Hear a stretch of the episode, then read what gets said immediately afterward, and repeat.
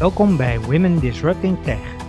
Mijn naam is Dirk-Jan Hupkes en in deze podcast ga ik op ontdekkingsreis in de wereld van vrouwen in de technologie sector.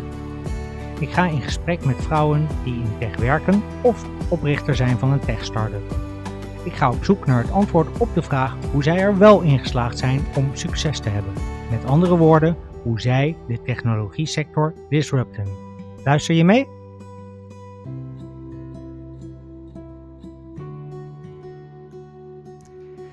Stel, je wil de ideale tech-startup oprichten.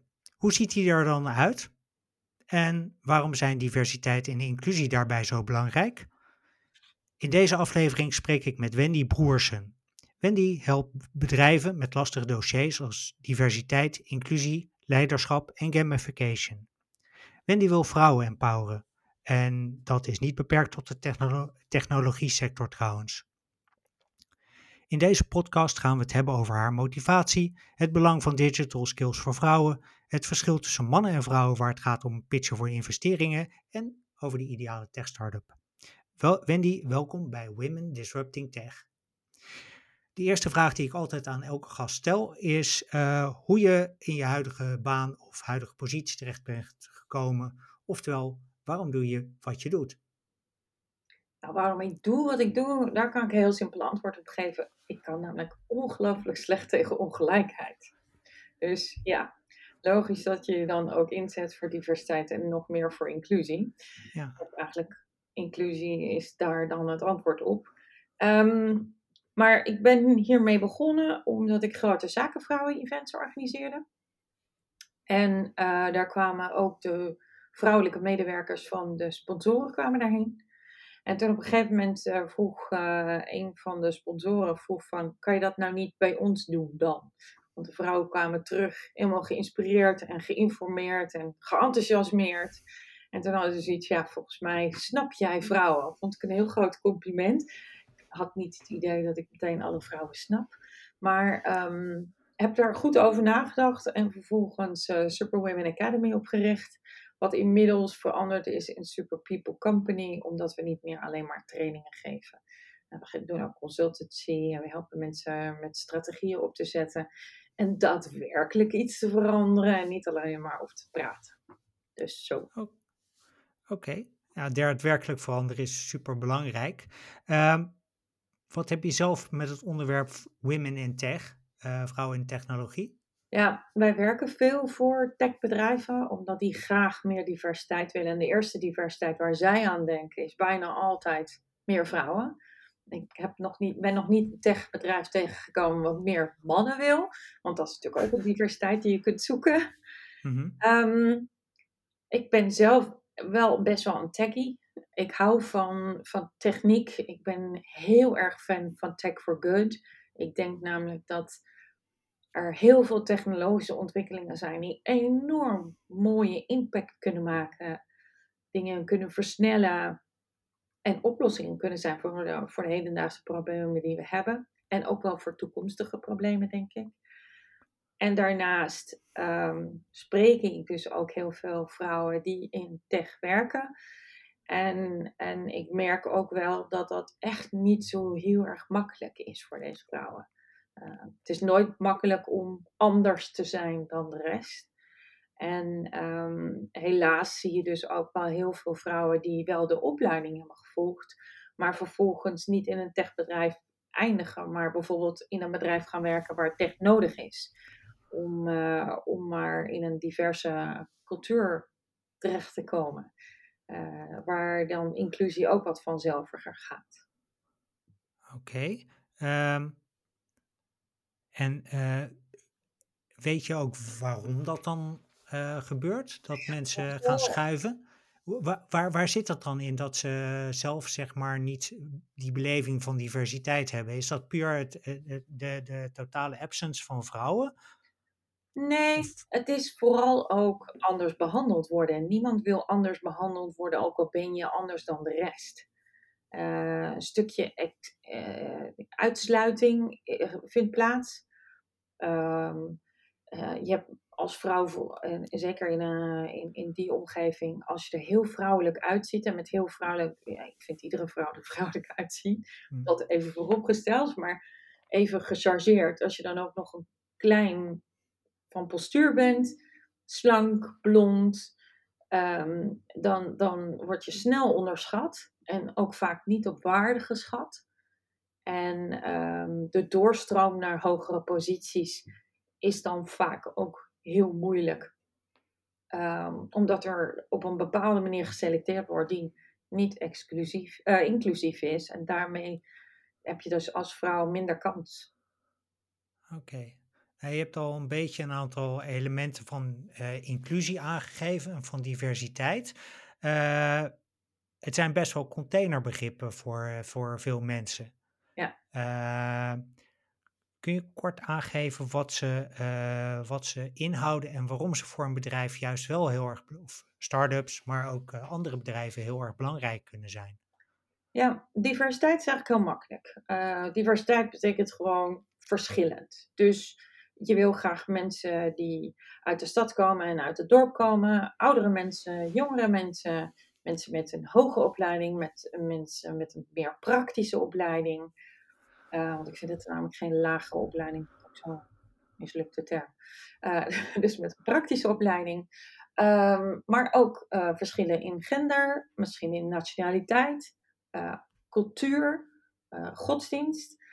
En dat noemen ze diversiteit. Dus dan, en dan er zijn, je kan het zelfs ook nog anders bekijken. Mensen die introvert zijn, extrovert zijn, mensen die heel erg van de cijfertjes zijn of juist heel creatief zijn.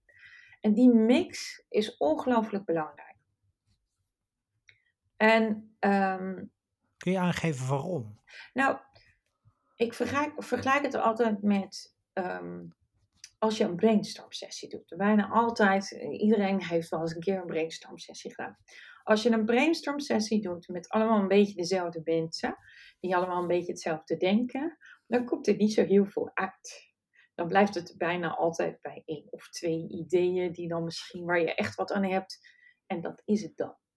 Ehm, als je een hele verschillende groep mensen bij elkaar zet, en je ziet dat nu ook gebeuren doordat mensen bijvoorbeeld met die, die geschiedenis hebben gestudeerd of antropologie hebben gestudeerd. En die worden gewoon aangenomen in het bedrijfsleven. Die gaan echt niks doen met geschiedenis. Maar die hebben natuurlijk wel een hele andere kijk op dingen en, en denken over uh, bepaalde onderwerpen op een andere manier. En dan krijg je ongelooflijk veel meer ideeën. En dat is ook een van de grote voordelen van het feit dat je een divers team hebt. Dan is de mate van creativiteit en daarmee ook innovativiteit vaak vele malen hoger. Het is ook leuker om met verschillende mensen te werken. Maar dat, dat, vergt wel van een organisatie. Ik heb dan zelf bij een verzekeraar gewerkt, Nationale Nederlanden. En toen ik er kwam, had ik echt, eh, toen was het al wel aan het veranderen, moet ik erbij zeggen. Maar toen had ik echt het beeld van een vastgeroeste oude verzekeraar. Uh, waar inderdaad Zeemold, Zeemold, uh, dezelfde mensen bij dezelfde uh, brainstorm sessies, risk assessments, what have you, zaten. Met altijd dezelfde uitkomsten. En dat moest, moest gaan veranderen en dat wist het management ook wel. Maar dat moet dan door, door zo'n hele organisatie hamburger moet dat heen. Ja, en het vraagt ook een dus andere vorm van leiderschap. En ja. divers team aansturen, zeker als de diversiteit er net in komt door één of twee personen. Ik raad altijd aan meer dan één. Want dan voelt die ene zich in ieder geval niet zo alleen. En heeft iemand om mee te praten? Nou, um, er is ook onderzoek naar gedaan. En is gebleken dat als er een team is van zeg zeven mensen. En er komt één ander iemand in. Uh, en, en dan fysiek uh, anders. Dus in een rolstoel of andere kleur huid. Of een ander geslacht. Dan uh, verandert er niet zoveel. En die persoon voelt zich erg alleen. Komt er nog iemand bij die anders is, en dat hoeft niet dezelfde categorie te zijn, uh, dan wordt het ineens een stuk vanzelfsprekender om, uh, om andere gezichtspunten te hebben en op een andere manier tegen dingen aan te kijken. En, um, en, en daar, uit andere onderzoek is dan ook gebleken dat als die diversiteit zo ongeveer de 25, 30 procent voorbij gaat, dan wordt het belang van de rest van de groep ineens ook om iets te doen aan inclusie. Dan voelen ze de noodzaak. En inclusie, want die vraag vroeg je ook. Ja. Inclusie betekent eigenlijk gewoon dat je jezelf kunt zijn, dat je niet anders hoeft voor te doen om er maar bij te horen. Dat je dan ook nog gewaardeerd wordt dat je anders bent. Hm. En, eh, en de, de gelijke kansen krijgt en de gelijke mogelijkheden krijgt eh, binnen zo'n organisatie. Om te groeien, om je mening te geven, om, nou ja, verzin- maar één wat een baan leuk maakt. Mhm. Levert het eh, voor een werkgever dan ook eh, betere resultaten op? Want ja, natuurlijk, als het, als het leuker is, eh, kan ik me voorstellen dat je meer gemotiveerd personeel hebt. Mhm. Maar vertaalt zich dat, zijn daar studies over, dat het Ja. zich vertaalt in betere eh, financiële resultaten bijvoorbeeld? En McKinsey heeft daar al meer dan 30 jaar onderzoek naar gedaan. En dan is, zijn zij begonnen met genderdiversiteit. Dus te kijken van oké, eh, eh, percentage vrouwen wat er in een bedrijf zit. En ook op leidinggevende functies en wat voor effecten dat dan heeft. Dat heeft geresulteerd in, in, in dikke cijfers dat vrouwen die de kans krijgen om leidinggevende functies in te nemen in zo'n organisatie, dat die er ook daadwerkelijk voor zorgen dat er betere resultaten worden geboekt. Je sluit ook beter aan bij de markt. En dan heb ik het over alle diversiteit. Uh, onze maatschappij is ook niet één soort mensen. Dus bijvoorbeeld in Nederland hebben we deze voorzichtige schatting gemaakt dat we in 2030 40% mensen hebben met een multiculturele achtergrond. Eerste, tweede, derde generatie. Nou ja, als je daar natuurlijk niet heel erg op aansluit, dan sluit je dus 40% van de markt uit. Lijkt me niet een hele gezonde situatie. Um, als je een divers team hebt, blijkt je ook een nieuwe markt benaderen. Blijkt ook veel beter te gaan. En Gartner heeft zelfs een boute uitspraak gedaan dat ze denken dat over 10 jaar uh, 30% van de bedrijven die niet divers zijn, er ook niet meer zullen zijn. En Goldman Oh, het is dus echt een, uh, ja, een uh, ook een continuïteitsrisico. Ja. ja. En uh, Goldman Sachs heeft zelfs gezegd dat zij, als er niet een vrouw in de board zit, zij de bedrijf niet eens meer naar de beurs willen brengen. Omdat ze weten dat als er een vrouw in de board zit, dus het niet alleen maar mannen zijn, dat die bedrijven het gewoon beter doen. Nou ja.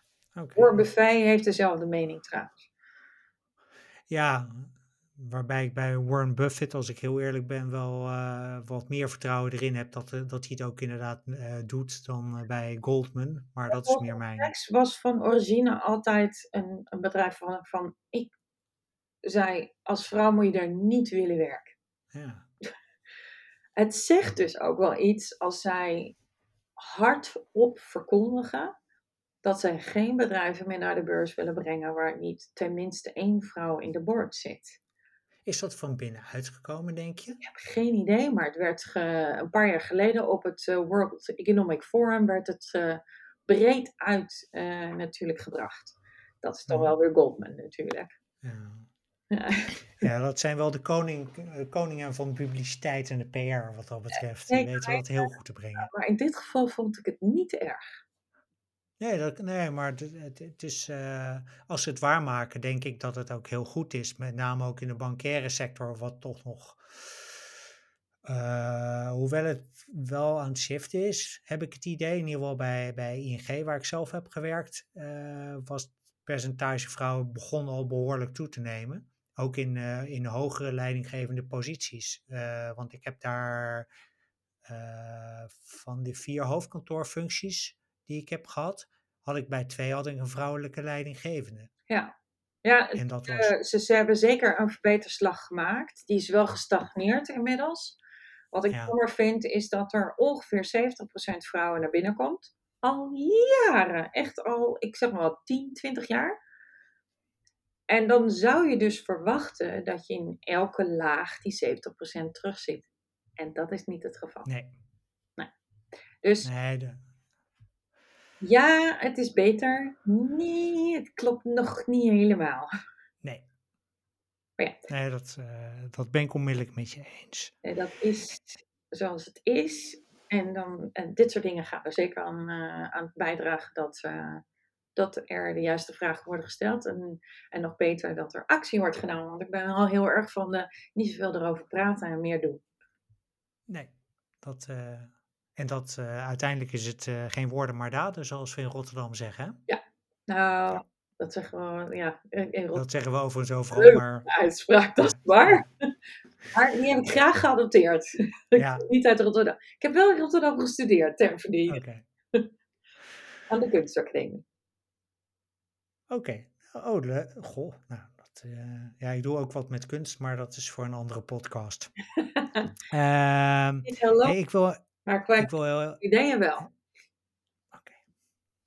Ik wil even eh, een eh, kleine shifting gears doen. Eh, ik las op je LinkedIn-profiel dat je ook met gamification bezig bent. Nou ja, dat is wel een Ehm, eh, eh, kun je met gamification ook meer diversi- diversiteit en inclusie bewerkstelligen? Dus juist die actie Ja, bevorderen? ja ehm, om tot inclusie te komen en eh, meer diversiteit naar binnen te halen en te zorgen dat ze blijven, Ja. ehm, is het, eh, eh, heb je een stukje bewustwording nodig. Bewustwording dat het er beter, leuker en anders op wordt. En dat daar, dat daar een voordeel in zit voor iedereen, ook voor jouzelf. Zelfs als je niet behoort tot die eh, minderhedengroep, welke minderheid dat dan ook is. In de zorg eh, en in het basisonderwijs bijvoorbeeld kunnen ze, en, en trouwens het middelbaar onderwijs, kunnen ze ook wel wat meer mannen gebruiken. Ehm, en zonder die eh, bewustwording eh, landen heel veel initiatieven niet op het gebied van inclusie. Want als jij niet het belang ziet van, van dat het nodig is en dat, dat het er leuker en beter op wordt, dan heb je ook niet zo'n zin om te veranderen. Bijna niemand houdt van verandering, want dat is lastig en moeilijk. En het wordt altijd eerst lastiger en moeilijker voordat het beter wordt. En dat weet ook iedereen. Dus je moet wel echt flink overtuigd zijn, zeg maar, van het, van het voordeel van, van, van deze maatregelen. En ehm, ik vergelijk het ook altijd met fietsen. Je kan niet vragen om iemand, eh, te, je kan niet iemand te leren fietsen als ze niet eerst hebben leren kruipen. Je, je moet eerst moet leren kruipen en dan leren staan en dan leren lopen en dan kan je pas leren fietsen. Dus ehm, die spellen die er zijn, en ik heb er zelf ook een aantal ontwikkeld, die zijn heel goed om dat leren op een, op bijna intuïtieve manier te laten plaatsvinden. Ehm, als ik voor een grote zaal ga staan en, en de helft is man en de helft is vrouw, heb ik, heb ik van nature heb ik de helft in ieder geval mee. En dan kan ik ook nog een groep van de andere, een deel van die andere groep meekrijgen. Maar als je een spel speelt, dan, dan, dan, is, dan is het geen eenrichtingsverkeer meer. Je, je leert door, door te doen. En daarbij mag leren ook wel leuk zijn. En spelletjes zijn gewoon nou eenmaal leuk om te spelen. Zeker Mhm. als, eh, als eh, het verliezen geen of nauwelijks consequenties heeft. Dus eh, ik heb bijvoorbeeld een spel ontwikkeld, dat heet Equality Poly. Dat spel eh, dat speel je altijd in teams van twee. Waardoor je nooit persoonlijk verantwoordelijk wordt gehouden voor de keuzes die je in het spel maakt. En als je dus eventueel een foute keuze maakt voor, voor het resultaat, hè, dus eh, voor het winnen, dan, dan is dat dus ook minder erg. Want je was met z'n tweeën en je hebt waarschijnlijk een compromis moeten sluiten. En dan, ja, daar, daar zijn mensen wel gevoelig voor. Ehm, en het is wel kans om te winnen. En als je wint, ja, dan maakt niet uit dat je met z'n tweeën was. Dan heb je gewoon gewonnen. Oké, dus wel, wel de upside en niet, eh, niet de ja, downside ja, van. mensen vinden het ook nooit erg om te winnen, maar wel erg om te verliezen. Dus dat, moet je, dat probeer je dan, zeker als het een learning game is, of een serious game zoals dat heet. eh, dat probeer je dan zoveel mogelijk te vermijden. Zodat mensen niet gaan zitten in het verliezen, maar juist wat, wat heb ik hiervoor opgestoken. En, en het blijkt ook dat uit, eh, als je bepaalde content wil, wil overbrengen, wil zorgen dat mensen dat onthouden, dat het met spelletjes eh, veel, vele malen hoger is dan, eh, Ja.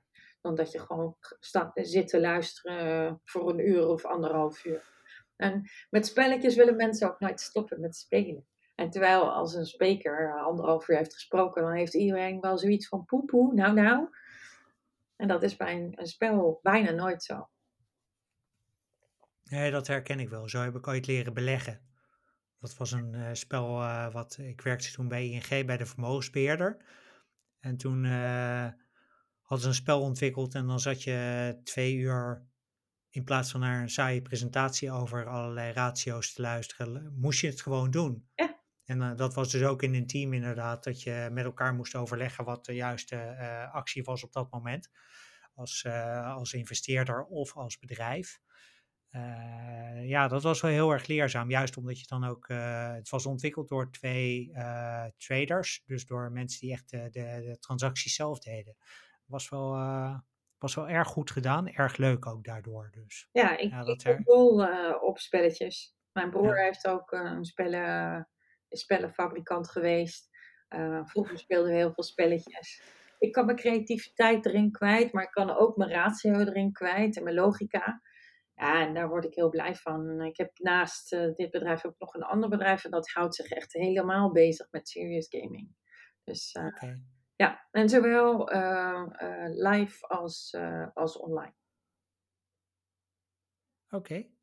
Okay. Um, leren um, over digital skills. want je doet een project voor de EU over het verkleinen uh, in het gat, uh, van het gat van, in digital skills tussen mannen en vrouwen. Wat, waar hebben we het dan over en, en waarom is dit zo belangrijk in, in de context van, van vrouwen in technologie en participatie? Nou ja, je ziet steeds een, een steeds groter gat ontstaan tussen zeg maar, de technologische ontwikkelingen die er zijn en, en de mensen. En, en zelfs dertigers voelen al dat ze eigenlijk al achter, uh, enorm aan het rennen zijn. Um, uh, mensen van boven de 45 ongeveer, schat men in dat daar de grens ligt. Dus die nu 45 of ouder zijn.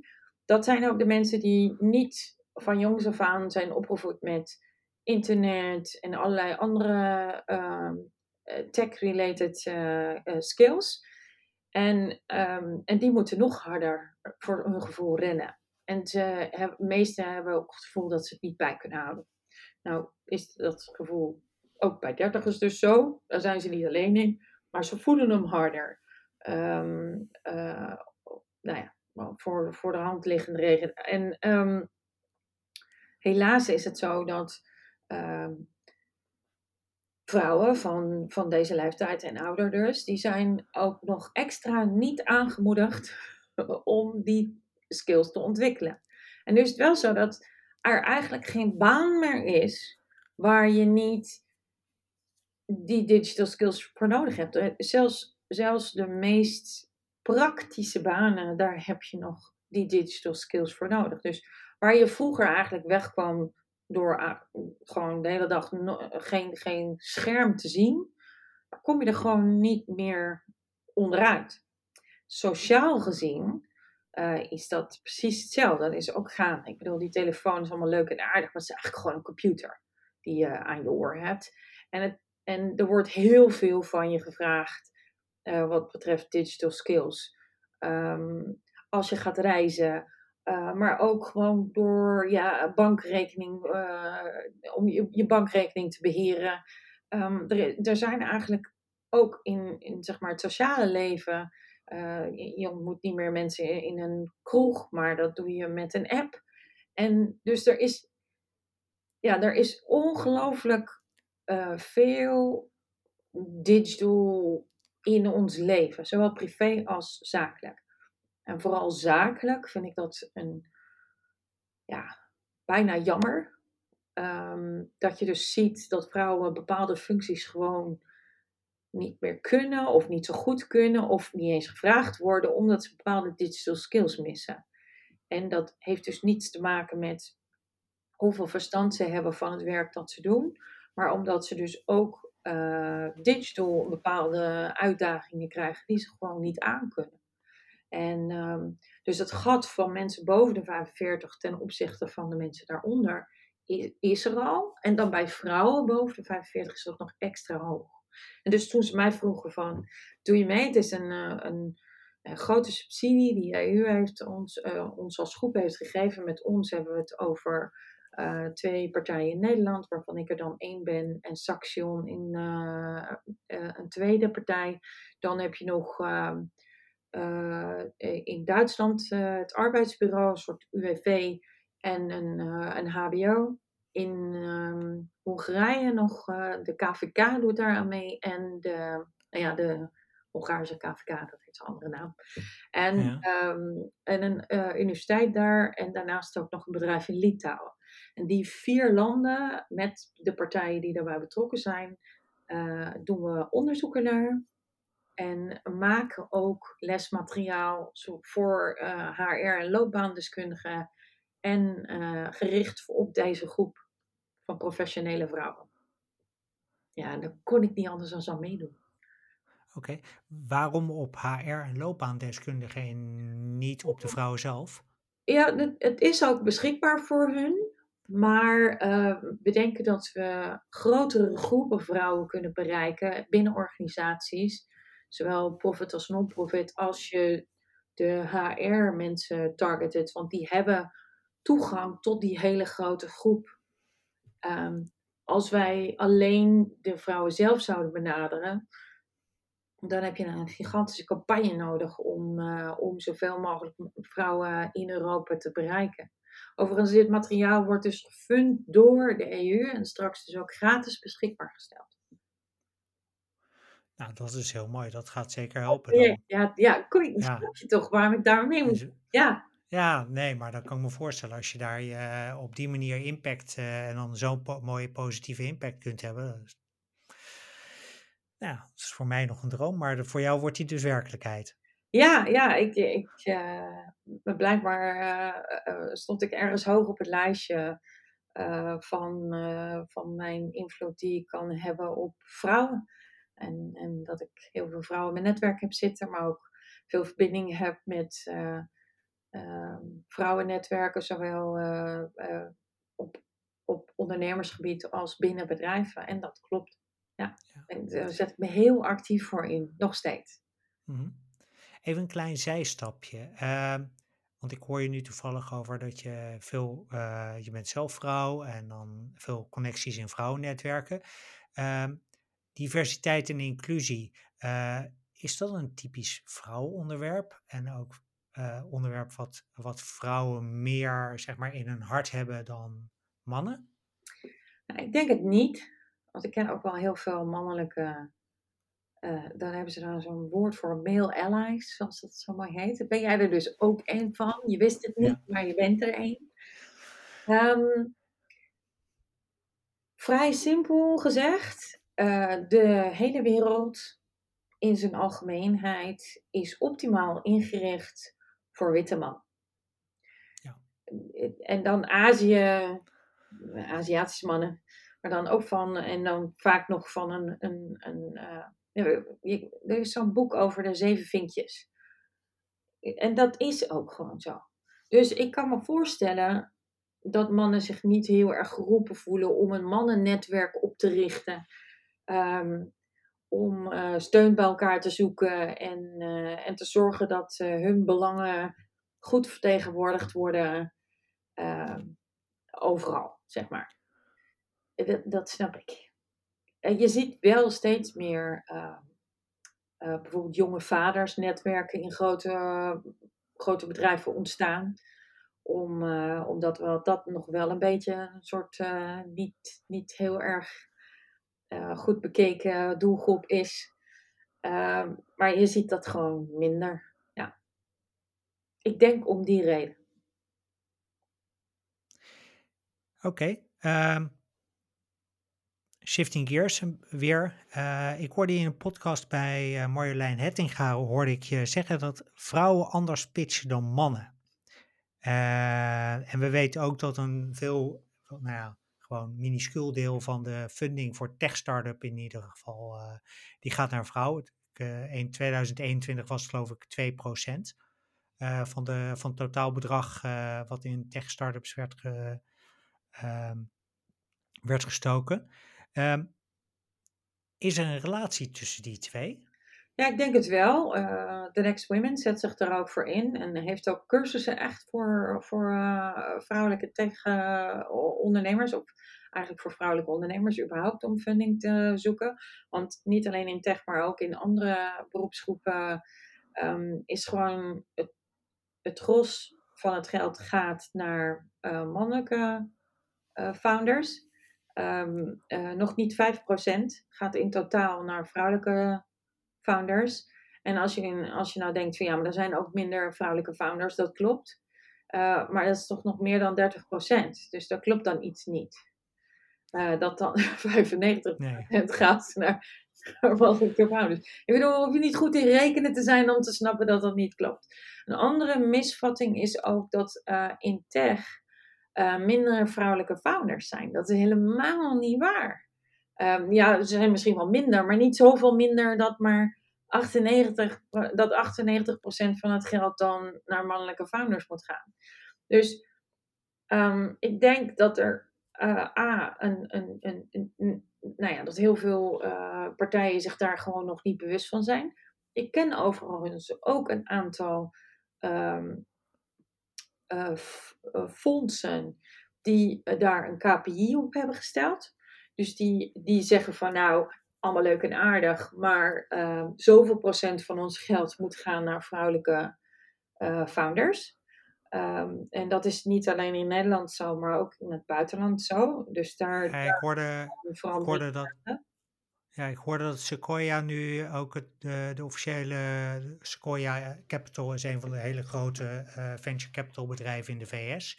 Uh, dat die nu de KPI zelfs hebben van als er geen vrouw in de board zit, uh, don't bother asking. Ja, nou ja, dat, uh, dat, dat past dan weer mooi bij uh, Goldman Sachs. Die hebben ja. waarschijnlijk ook bedacht van, hé, hey, wacht eens even. Als we nou succesvolle bedrijven naast elkaar gaan zetten, maar wat zijn dan de verschillen? En, uh, en, en dan zijn ze natuurlijk daarachter gekomen. Dat is natuurlijk geen, uh, niet zonder reden. Um, maar ik weet ook wel dat vrouwen en mannen gewoon anders pitchen, überhaupt. Um, uh, Hoe dan? Nou, ze vragen bijvoorbeeld vaak te weinig. En dat, vrouwen? Ja, dat klinkt misschien een beetje gek. Maar um, voor een heleboel um, investeerders is het een zwaktebod als je te weinig vraagt. Want dan waardeer je jezelf dus niet genoeg. En waardeer je het potentieel wat erin zit dus ook niet hoog genoeg. Vrouwen zijn over het algemeen voorzichtiger. Dus als een vrouw zegt dat kan ik wel, dan kun je eigenlijk ervan uitgaan dat ze het meer dan kan. Uh, als een man zegt, en dat weet ik ook weer van recruiters, als een man zegt ja hoor, dat kan ik, dan moet je nog even afwachten of hij daadwerkelijk gaat leveren wat hij moet leveren. En dat is, een, dat is niet erg, maar als jij natuurlijk gewend bent aan die vorm van pitchen, want een, een, investeerder weet dat ook. Hè? Die, weten natuurlijk, dat zie je bij Shark Tank en zo zie je dat ook altijd.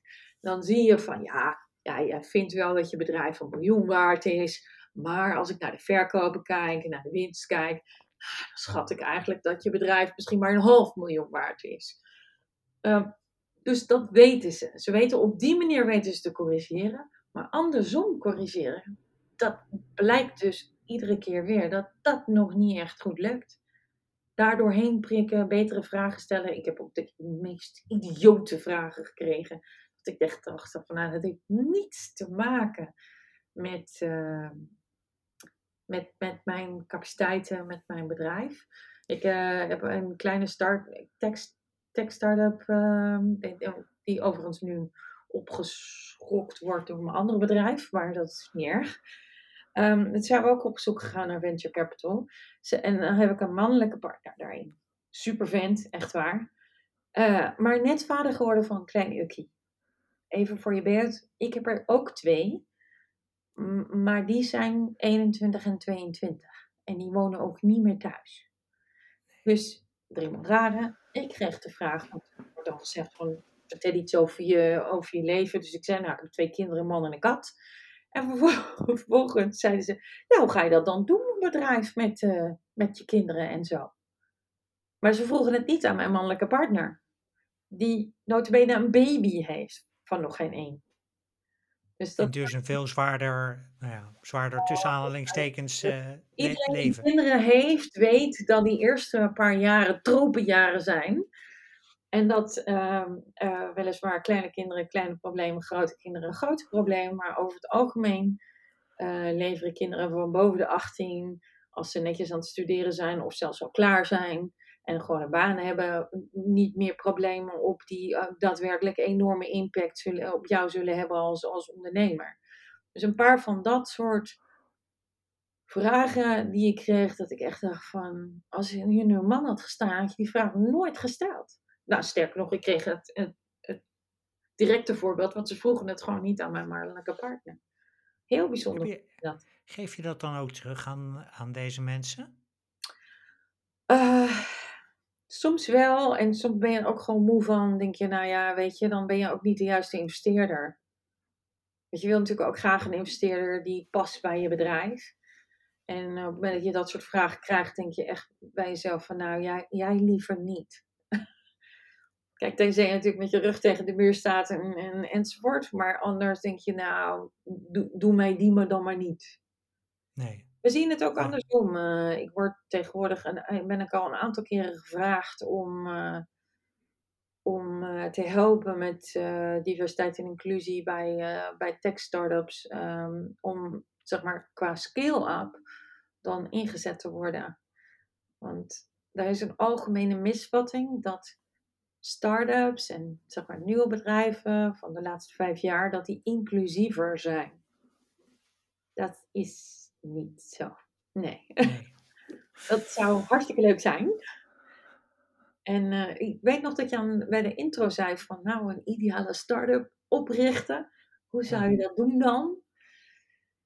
Ja, maar dat is ook diverse mo divers mogelijke groep mensen. En, en iedere keer weer bij jezelf vragen, neem ik nu iemand aan omdat die echt daadwerkelijk de beste persoon is voor dit team? uh, en voor de job? Of is het toch nog een andere reden waarom ik die persoon aanneem of juist niet aanneem? En, uh, en, en wat ik heel veel zie bij tech, bij startups, nou ook bij tech startups, maar bij, bij startups, is dat um, vaak van een bepaalde leeftijdsgroep zie je er heel veel.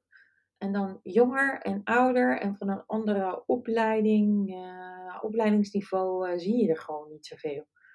En, dat, uh, en dan begin je eigenlijk niet zo best. Dan, dan zit je dus een beetje ehm, ons kent ons. ja, maar, noem ik het even. Ja, maar als het. Kijk, we hebben het net al gehad over dat het een voordeel oplevert als je een team hebt met ongelooflijk verschillende mensen. Uh, juist bij een, een start-up waar je werkt aan een innovatief pro product of aan een service, of in ieder geval innovatie staat ongeveer met hoofdletters op iedereen's voorhoofd geschreven. En dan ga je dat ontwikkelen en je ziet ook wel enorme fouten soms ontstaan in design. Dat er bijvoorbeeld niet rekening wordt gehouden met linkshandige mensen. Of uh, dat er een medicijn wordt ontwikkeld waar, waarvan later dan blijkt dat um, het veel minder effectief is of anders effectief is bij bepaalde uh, groepen van, met een bepaalde etniciteit. Mm-hmm. uh, of gender. daar wordt natuurlijk veel op gestuurd tegenwoordig. Nou, dat is natuurlijk ook de helft van de, van, van de mensen. Maar er is ook al gebleken dat bepaalde medicijnen um, voor mensen met een bepaalde etniciteit gewoon minder effectief zijn of andere bijwerkingen hebben. Ja, ik begreep dat het voor bijvoorbeeld reuma-medicijnen geldt. Dat reuma is een, uh, uh, ja, laten we maar zeggen, relatief typische vrouwenkwaal. Uh, maar de meeste medicijnen die nu nog steeds worden gebruikt, is, zijn uitgetest op mannen tussen de ja, heel 30 en de 50. Ja. Die het over het algemeen niet krijgen. Ja, dus dan vraag je je echt af van, goh, zou dat wel kloppen? En hoe zit dat ja. dan met die bijwerkingen? En hetzelfde ja. natuurlijk met hartmedicijnen. Daar, maakt, uh, daar maken een aantal stichtingen, onder andere de Hartstichting, maakt zich daar heel hard voor. Heeft, ja. En, um, en daar, daar zie je dat dus ook. Uh, ja. dat, dat gewoon um, zelfs in de, hoe je huisartsen opleidt, dat je echt, dat ze andere vragen moeten stellen aan vrouwen om erachter te komen of het niet toch per ongeluk een hartklacht is die die dingen veroorzaakt. Ja. Mhm. Ja, bij, bij huisartsen speelt dan ook nog eens een keertje dat uh, in ieder geval, uh, volgens mij was dat in de Verenigde Staten, dat er uit onderzoek was gebleken dat uh, donkere mensen over het algemeen worden geacht een hogere pijngrens te hebben. Op de een of andere manier. En dus langer met klachten doorlopen met alle fatale gevolgen die dat mogelijk kan hebben. Vrouwen dus, hebben ook een hogere pijngrens, overigens. Ja. Uh, dat wordt altijd gedacht dat dat niet zo is. Maar dat is dus nou, wel zo. dat... Ik heb één keer zo'n uh, zo'n uh, zo'n bevallingsding gehad. oh ja? Dat, dat het gestimule gesimuleerd oh, werd. Oh, dat, dat, is toen met Jan Mulder was dat op tv. En die, nou, die verging echt van de ja. pijn. Ja. Die dacht echt dat hij dood ging. Ja, ja. Dat is maar goed ook, zeg maar, dat we dus iets hogere pijngrens hebben. Anders kwamen er nooit meerdere baby's. Want dan ben je nee. echt volledig, dat je denkt, nooit weer. Ja. Overigens denk je dat meestal wel. Maar dat weet je dan weer een beetje door de endorfientjes. Maar um, ja, die, uh, dat is zo. En, um, en, en daar hoor je wel rekening mee te houden. Overigens heb ik een fantastische huisarts die toen ik met wat klachten die waarschijnlijk COVID, met COVID te maken hebben, kwam, uh, die onmiddellijk allerlei andere vragen stelde. En toen zei ik, vraag je die vragen? En toen zei ja, ik moet even weten of het niet ook nog misschien een hartklacht is. En, en zelfs ik had nooit gedacht dat dat soort vragen bij hartklachten bij vrouwen horen. Ja, toen legde hij dat ook uit. Hij zegt, ja, die stelt tegenwoordig andere vragen. Ik denk, nou, ga vooruit. Toch? Ja, nou, dat, dat, is, uh, dat is inderdaad heel mooi. Um, bij de ideale tech startup, wat, wat zou een gezonde verhouding tussen, want je gaf er net aan van je moet je bij elke uh, zeg maar hire die je doet heel goed afvragen, doe ik dit op capaciteit of doe, is er ook nog een, zeg maar een ulterior motive? Hoe hard moet je sturen op een, uh, op een verhouding tussen, bepaalde verhouding tussen mannen en vrouwen of uh, überhaupt op, op, op, diversiteit? En ja. Ja, vrij hard. Ja. Want het is namelijk heel moeilijk om er overheen te stappen zonder dat je vrij hard stuurt. Mm -hmm. Want um, heel veel van dit proces gaat on, onbewust. Mm ja, als je er dus niet van bewust bent, dan wordt het lastig. Stereotypes ontstaan tussen onze zesde en achtste levensjaar, als ik het goed zeg.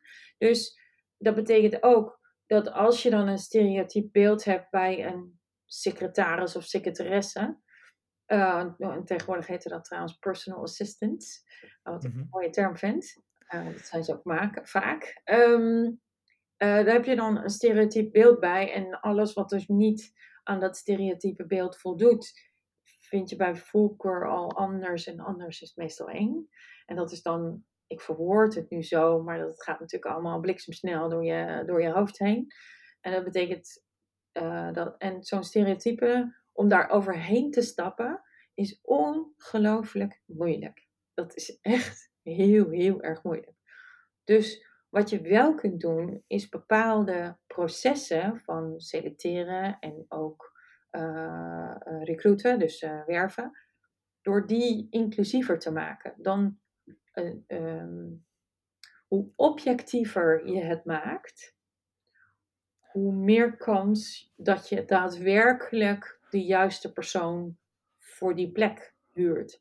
En dat er dus minder kans is voor ja, subjectiviteit, die al dan niet op een onbewust vooroordeel berust of een, of een stereotype berust.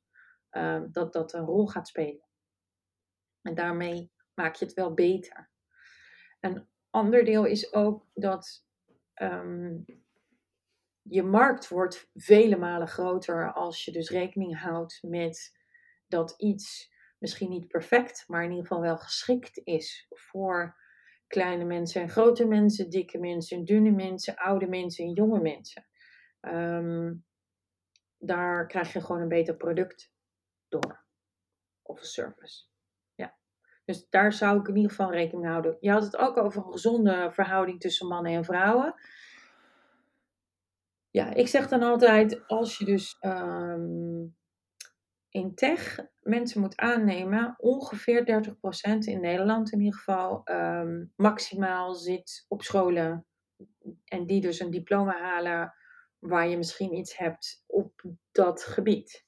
Dat betekent dus dat in principe zou je dus 30% op dat soort jobs aan kunnen nemen.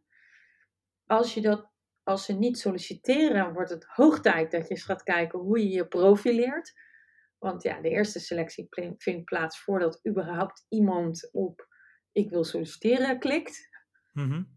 Eh, en, eh, en daarnaast kun je dan gaan kijken naar de processen uh, die daarachter liggen, zodat er ook daar weer die diversiteit dan ook er doorheen komt. Want als ze solliciteren is het één, maar dat ze zeg maar voor interviews worden uitgenodigd is twee. Dus daar ja. kijken. Ja. Dat is ook dan een gezonde verhouding, mijn zinziens. Um, voor alle andere Ehm, eh, posities zoals HR of communicatie of marketing of sales of nou ja, waar, waar ehm, ook uh, vaak papiertjes worden gevraagd. Eh, loont het dus de moeite om daar eens te kijken naar wat daar rondloopt en, en wat daar een gezond percentage is. Dus overal denk ik dat je minimaal 30% ergens kunt halen, zelfs als je een bedrijf start wat zwaar tech is. Ehm, maar ik denk wel dat, uh, dat als er heel veel andere posities ook nog nodig zijn, zeg maar, in dat bedrijf, dat er een hoger percentage wel gewoon zou moeten kunnen. Mm Dus dat kun je als, een soort maatstaf gebruiken. Ik krijg ook heel vaak die vraag, zo van, ja, maar wat is dan wel, uh, ja, denk ik, ja, dan moet je gewoon kijken naar wat er van school afkomt. En als, het, als daar het percentage 30, 50, 70 is, dan, uh, dan, is het logisch dat je dan ook 30, 50, 70 in je, in je sollicitanten wil hebben en daarna ook degene die je aanneemt. Dat is natuurlijk eigenlijk wel gek ook, want je sluit anders ook wel een flinke groep uit. Als jij weet dat er 30% afstudeert en je krijgt, uh, die, stel dat je ook nog die 30% uh, zich, zich aanmeldt voor die job. En uiteindelijk huur je maar 10% in, dan sla je toch 20% van het talent over op de een of andere manier. Dat is mm best gek. Ja. En als ze helemaal niet solliciteren, dan sluit je dus een derde van de talenten uit. Heel bijzonder ja. Oftewel, ik hoor je zeggen, uh, zorg ervoor dat je je op een, uh, zeg maar, ja, voor lekker for better word, vrouwvriendelijke manier uh, uh, minderhedenvriendelijke manier positioneert. Mm-hmm. Om zo dat talenten zeg maar, op jezelf attent te maken. En zorg voor een, uh, zeg maar een, in, of een recruitmentproces waarbij je ook goed kijkt naar hoeveel mensen, hoeveel, hoe groot is het percentage van de schoolverlaters. En ook aan, de, aan je eigen kant. zorg dat je niet alleen met drie blanke mannen dat gesprek ingaat. Maar dat je zeg maar misschien ook wel een vrouw aan je eigen kant van de tafel hebt. Ja, maar ook ehm, niet alleen blanke mannen, ze helpt ja. ook. Dat is zeker waar. Het andere is, is er, er zijn intussen wel echt heel veel bedrijven die niet meer aannemen met gesprekken, maar die gewoon aannemen.